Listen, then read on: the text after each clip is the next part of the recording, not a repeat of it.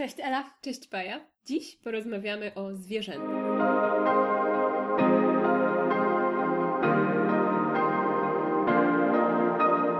Temat, który już od dawna Wam zapowiadamy. Miałyśmy odcinek, w którym mówiłyśmy między innymi o reportażu Dobry Wilk i wtedy zapowiadałyśmy, że kiedyś wrócimy do tematyki zwierząt, książek o zwierzętach.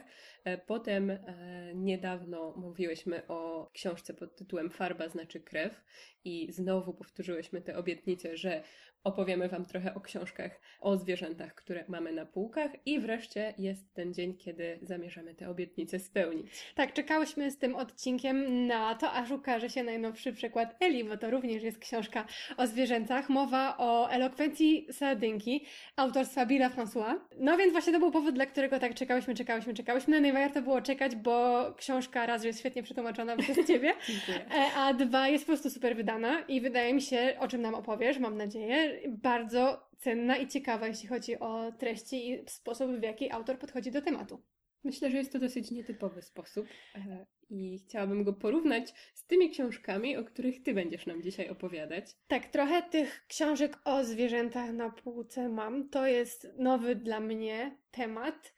Wszystko w sumie zaczęło się od książki Konrada Lorenza, Rozmowy ze zwierzętami, którą kiedyś w Krakowie Mhm. wygrzebałam wśród tanich książek. Ona chyba kosztowała jakieś 5 albo 8 zł, coś takiego. I w ogóle to było dla mnie jakby odnowienie myśli o zwierzętach Mhm. bo gdy byłam mała, miałam straszną fazę na Animal Planet. To oglądałam to częściej niż jakiekolwiek kreskówki. Animal Planet to był mój ulubiony, mój ulubiony kanał telewizyjny. I uwielbiałam Steve'a Irwina i uwielbiałam wszystkie odcinki e, o RSPCA, gdzie ratowali zwierzęta. I myślałam sobie, zostanę weterynarką. I jakby moja, moja fascynacja zwierzętami ta w dzieciństwie, myślę, że wiele osób fascynowało się zwierzętami w dzieciństwie, jakby gdzieś się potem zgubiła. Mhm. I właśnie z książką Konrada Lorenza, która otworzyła jakby mój zbiór książek o zwierzętach, jakby zaczęłam wracać do tego tematu. Do zwierząt i czym są one dla nas, i jaką funkcję pełnią, i jak je wykorzystujemy, albo co o nich myślimy. I teraz chciałabym Wam powiedzieć na przykładzie dwóch książek, jak do tematu zwierząt można podejść. Wybrałam spośród tych wszystkich książek, które mamy, dwie. Petera Singera i Wyzwolenie zwierząt. To jest książka, która zapoczątkowała wszystko, ruch obrońców praw zwierząt. I no i ja przeczytałam ją w zeszłym roku. Długo się do tego zbierałam, żeby, żeby ją przeczytać, ale wreszcie się udało. A druga książka to książka Manifest zwierząt Marka Beckofa.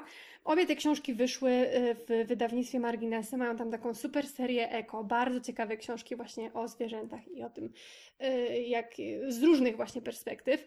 No i teraz, jakie to są te dwie perspektywy? No właśnie, bo zanim zaczęłyśmy nagrywać, to powiedziałaś, że chcesz opowiedzieć trochę o tym, czym te książki się różnią i jak ci autorzy podchodzą do, do tematu, a podchodzą różnie. Więc e, od której chcesz zacząć? Od wyzwolenia ta- zwierząt? Tak, od Mhm. wyzwolenia zwierząt. Petera Zingera, który jest filozofem i etykiem, bardzo radykalnym filozofem i etykiem. I on y, podchodzi jakby do zwierząt bez uprzedzeń i bez emocji. Jego analiza relacji ludzi ze zwierzętami jest bardzo e, taka chłodna i logiczna i on wypunktowuje wszystkie, jakby tutaj poruszone są najgłupsze pytania, jakie ludzie mogą mieć odnośnie do przemy- wykorzystania przemysłowego zwierząt, bo Peter Singer w swojej książce skupia się tylko na zwierzętach hodowlanych i na zwierzętach wykorzystywanych w procesach laboratoryjnych na potrzeby różnych badań, w kosmetologii, na potrzeby medycyny itd., tak itd. Więc on bierze sobie te dwa obszary i analizuje nasze ludzi podejście do, do tego, jak, jak traktujemy zwierzęta. Peter Singer, jakby to jest bardzo ważna praca, bo to, co on zaproponował i jakby jego wywody logiczne, którymi on się tutaj kieruje, to zapoczątkowały ruch obrońców praw zwierząt, więc to jest taka pierwsza bardzo Mhm. ważna książka, która patrzy na zwierzęta i Peter Singer patrzy na zwierzęta przez pryzmat cierpienia. Peter Singer wychodzi z założenia, że tym, co sprawia, że jesteśmy na równi ze zwierzętami jest fakt, że zwierzęta potrafią cierpieć i jako takie zasługują na, jesteśmy na tym samym poziomie Bytu. bytu. Tak, dziękuję. E, No i jakby to nie jest książka, znaczy ja już tak, ja, ja już mam bardzo wyrobione e, poglądy na, na temat e, zwierząt i tego, jak, e, jak się z nimi obchodzimy i, i co robimy źle. I ciężko mi jest powiedzieć, czy osoba, która je zwierzęta po przeczytaniu tej książki stwierdzi, że nagle nie będzie tego robić. Wydaje mi się, że to jest niemożliwe, bo sama jakby obserwując naszą drogę widzę, ile nam lat to zajęło, ile różnych rzeczy musiało się wydarzyć po drodze, żeby, żeby, żebyśmy doszły do tego momentu, że stwierdzamy, ok, dobra, nie jemy mięsa, ale to myślę jest takie bardzo ważne, jeśli chodzi o budowanie światopoglądu i w ogóle mhm. spojrzenie na zwierzęta hodowlane i tego w ogóle, jak cały ten system hodowli zwierząt się rozwinął, więc wydaje mi się, że to jest jakby, może to być pierwszy krok dla osób, które się nad tym zastanawiają. Chociaż nie ukrywam, że jest to bardzo bolesna książka, a przynajmniej dla mnie taka e, była. Bardzo trudno mi się ją czytało i bardzo ciężko było czytać wszystkie te opisy smutne dotyczące właśnie e, eksperymentów. Zwłaszcza eksperymenty były dla mnie jakby bardzo trudnym fragmentem w tej książce. Może też dlatego, że to z tematem zwierząt hodowlanych już wcześniej miałaś sporo do czynienia, więc jakby byłaś przygotowana trochę psychicznie na to, a e, z tego co wiem, to tutaj to była dla ciebie nowość, ten dział poświęcony eksperymentom na zwierzętach. Tak, tak, dokładnie. Więc to było dla mnie coś nowego w, taki, w takiej y, pigułce. Mhm. I, i, I no, ja już jestem osobą przekonaną, więc nie znalazłam jakby, nie ma tu nic, co jeszcze mogłoby mnie y, przekonać jeszcze bardziej, ale wydaje mi się, że właśnie jakby jeśli chodzi o uporządkowanie sobie jakiejś pewnej wiedzy, to, to, to była dla mnie bardzo ważna pozycja. Z kolei ta druga jest kompletnie inna, tak jak Peter Singer proponuje nam takie trochę y, chłodne, logiczne, filozoficzno-etyczne pragmatyczne podejście. Tak, Mark e, Bekow patrzy na zwierzęta inaczej, patrzy na zwierzęta bardzo emocjonalnie, o czym mówi nam już podtytuł tutaj tej książki. Sześć powodów, żeby okazywać więcej współczucia. I on e, jakby, u niego ta antropomorfizacja zwierząt e, odgrywa bardzo ważną rolę i emocjonalność zwierząt i zachowania zwierząt są bardzo ważne, bo on jest z kolei etologiem i naukowcem, który zajmuje się badaniem zachowań i emocjonalnością zwierząt, więc tutaj jest trochę nauki, ale trochę jest takiego bardzo, bardzo po prostu prostego i czułego współczucia i spojrzenia na, e, na zwierzęta. Tutaj tytułami mm, powody, które on wymienia, które jednocześnie stanowią jakby rozdziały poszczególne tej mhm. książki, mhm. to przykładowo zwierzęta myślą i czują, zwierzęta współczują i zasługują na współczucie, świat nie okazuje zwierzętom empatii i tak dalej, i tak dalej. Więc on tutaj bardzo tak podchodzi, z kolei to jest bardzo taka e, emocjonalna mhm. książka, ale myślę, że to też jest e, ciekawy sposób spojrzenia jakby na naszą relację. Ja nie ukrywam, że mi jest bliżej do tej tak jakby właśnie tej emocjonalnej właśnie, strony. Właśnie chciałam zapytać, chociaż właściwie podejrzewałam jaka jest odpowiedź, czyli e, gdybyś ty miała powiedzieć, która z tych książek bardziej do ciebie przemawia, to właśnie wybrałabyś, rozumiem, manifest, manifest zwierząt właśnie z powodu tego, że tutaj nie tylko są argumenty i nie tylko logika, ale też e, emocje wchodzą tak, w grę. Tak, tak, dokładnie, mhm. bo tutaj no, autor zakłada, że zwierzęta istnieją i już sam ten fakt, że istnieją, powinniśmy na nie patrzeć właśnie ze współczuciem, tak jak powinniśmy patrzeć na wszystkich, na siebie e, dookoła ze współczuciem i jakąś próbą zrozumienia mhm. i, i, i empatii. No i on tutaj twierdzi, że mimo, że to może się wydawać, że to projektowanie ludzkich emocji na, na zwierzęta jest jakby szkodliwe, ale on, on twierdzi, że tak naprawdę nie robimy tego w wystarczającym stopniu. Nie patrzymy na zwierzęta wystarczająco empatycznie. Nie patrzymy na zwierzęta z takim współczuciem, jak nam mhm. się wydaje, że na nie patrzymy. Więc on tutaj proponuje takie bardzo emocjonalne podejście. I oczywiście jest tutaj mowa o hodowli, o eksperymentach, ale też jest mowa o cyrku. Mowa mhm. jest o zoo. Mowa jest o naszych zwierzętach, które trzymamy w domach, o udomowionych zwierzętach. Mowa jest o dzikich zwierzętach, więc generalnie tutaj przegląd zwierząt jest y, całościowy i, i kompletny. E, stara się, to nie jest gruba książka, ale on stara się tak jakby podejść z, do, do różnych jakby dziedzin naszego życia, w których te zwierzęta się pojawiają. No i on tutaj łączy swoje mm, naukowe jakby zainteresowania i badania naukowe, które zostały przeprowadzone nad zwierzętami pod kątem ich y, zachowań i emocjonalności, z jakimiś, to, było, to jest bardzo ciekawe, bo tutaj są różne wycinki prasowe na przykład, jak, jak opisywane są zwierzęta w prasie i, i, i jak czasami stanowią tanią sensację, a czasami jakby są bohaterami niesamowitych historii, mhm. tak jakby też to, jak, jak zwierzęta są kreowane w, w tym, jak o tym o nich mówimy w, w mediach i w komunikacji między nami, to też jest bardzo ciekawe porównanie. Więc takie dwie książki książki ja mam dla Was. Jedna bardzo Jedna bardzo chłodna i logiczna, druga bardzo ciepła i emocjonalna. E, tutaj jeszcze e, wspomnę osobę, o której bardzo często wspominamy, czyli Olgę Tokarczuk. E, Olga Tokarczuk w Czułym narratorze książce, która okazała się niedawno, ma również bardzo piękny esej o zwierzętach. Możecie sobie od niego na przykład zacząć. I tam ona też bardzo dużo pisze o Peterze Zingerze, bardzo dużo pisze o Jane Goodall. Swoje ciekawe przemyślenia również tam wplata, więc polecam również ten esej z Czułego narratora. No i, i, i, to, to by było to, jeśli chodzi, o, y, jeśli chodzi o moje książki, które dla Was wybrałam i o to, jak autorzy podchodzą do zwierząt w tych książkach, a jak autor Twojej książki podchodzi do zwierząt i co to konkretnie są za zwierzęta. Tak. Dobra, to są bardzo ważne pytania. To są zwierzęta morskie i wodne w ogóle, bo tutaj podtytuł e, Elokwencji Sardynki brzmi Niewiarygodne historie z podwodnego świata. I myślę, że to jest jeszcze zupełnie inny rodzaj książki niż te dwie, które ty tutaj przedstawiłaś, bo przede wszystkim dlatego, że twoi autorzy e, mają jakąś tezę, mają jakieś, jakieś poglądy i próbują nam to e, przekazać tak. w swojej książce. Natomiast e, Bill François, on przede wszystkim jest zafascynowany morzem i zafascynowany morskimi zwierzętami i on nie chce przekonać nas o niczym innym, poza tym, że właśnie nie wiemy jeszcze wystarczająco dużo, że wiele możemy się dowiedzieć, bo te informacje już są znane, tylko że nie są właśnie w takim powszechnym obiegu, więc na przykład czytając jego książkę, myślę, że e, wszyscy nawet osoby takie jak ja, które również się bardzo interesują morzem, to mimo wszystko znalazłam tutaj e, dla siebie różne nowości, e, takie stricte faktograficzne, więc dowiedziałam się trochę o, o sardynkach, trochę o krewetkach, trochę o ośmiornicach, które są, są niesamowite. Nie, ośmiornice to jest po prostu jakiś niesamowicie fascynujący y, twór, moim zdaniem.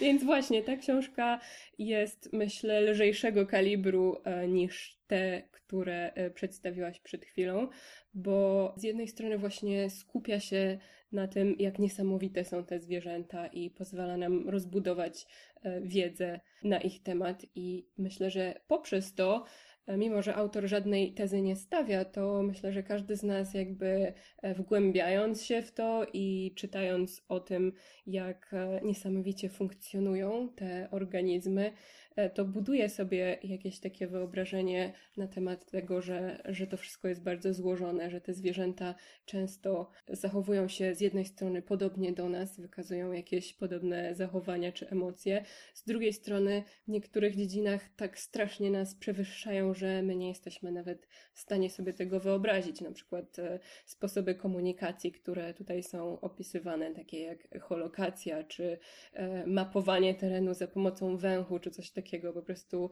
nie umiemy nawet dojść w wyobraźni do, do poziomu, które, który te niektóre zwierzęta reprezentują, więc myślę, że to jest bardzo ciekawe.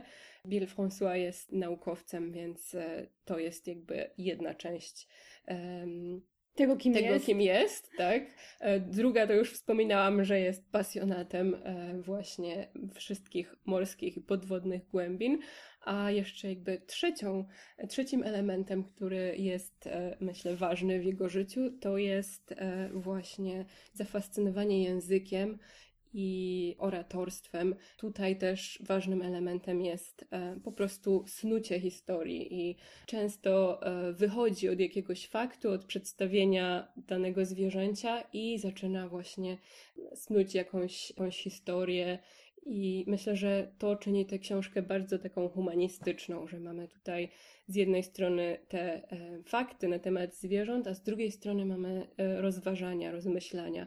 Często od zwierząt przechodzimy do ludzi, do ludzkiego społeczeństwa i, i porównujemy, jak wygląda e, życie na przykład błazenków i czego moglibyśmy się od nich nauczyć, albo jak wygląda życie na rafie koralowej w porównaniu z życiem w wielkim mieście i jak zachowują się ludzie, a jak zachowują się zwierzęta morskie.